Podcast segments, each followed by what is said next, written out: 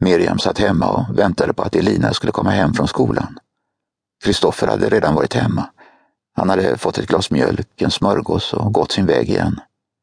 Hon hade sagt att det var okej okay att han var ute med sina kompisar, men bara om han kom hem senast klockan åtta.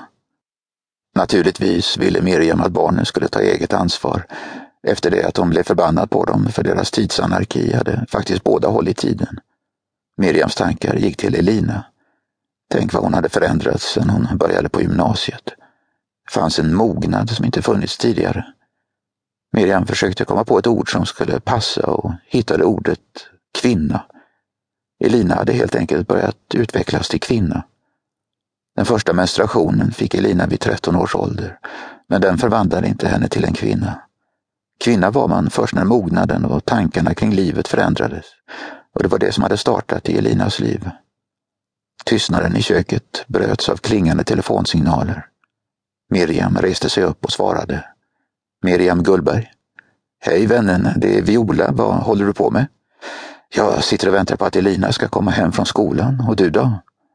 Inget särskilt. Jag pratade med Daniel i morse. Sen åkte jag in till stan en stund. Där hände en jätterolig grej. Jaså, vad då? frågade Miriam med en entusiasm hon egentligen inte kände. Det var så roligt för jag sprang på en av mina före detta arbetskamrater. Kan du tänka dig att det var tio år sedan jag jobbade på Texton? Tio långa år, men Meta kom faktiskt ihåg mig, sa Viola. Det gick inte att ta miste på glädjen i Violas röst över att en av kollegorna kommit ihåg henne efter så många år. Miriam ångrade genast sina pessimistiska känslor. Vad roligt det låter. Vad hände sen då? Jo, Meta undrade om inte jag skulle vilja följa med henne och de andra tjejerna på en tripp till Kiel.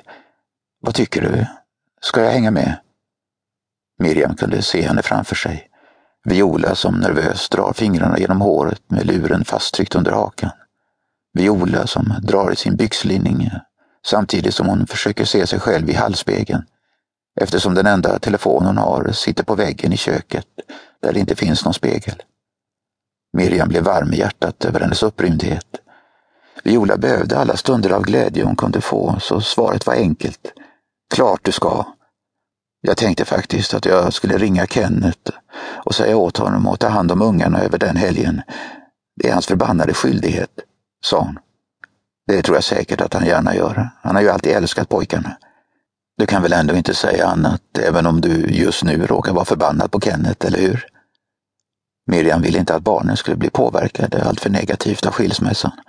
Och nu när Viola var förbannad på Kenneth, visserligen med all rätt, kunde det drabba barnen. Kunde hon göra eller säga något som förhindrade detta skulle hon göra det. Nej, du har rätt. Självklart ska jag inte låta barnen märka att jag är förbannad på deras pappa. Det vore dumt.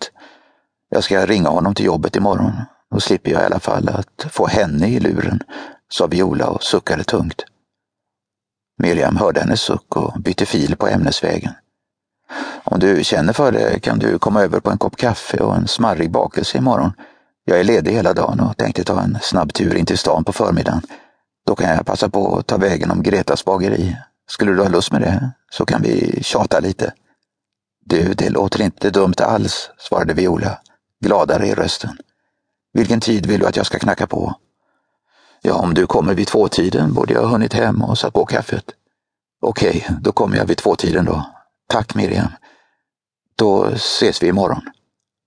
Hej då. Ha det nu så bra som du kan ha det. När Miriam lagt på luren kände hon sig både glad och ledsen. Glad över att de skulle träffas, tjata över en kopp kaffe och en kaloribomb. Men ledsen över att det inte skulle bli som det brukade vara, då Kenneth var hemma med barnen och Daniel gjorde honom sällskap.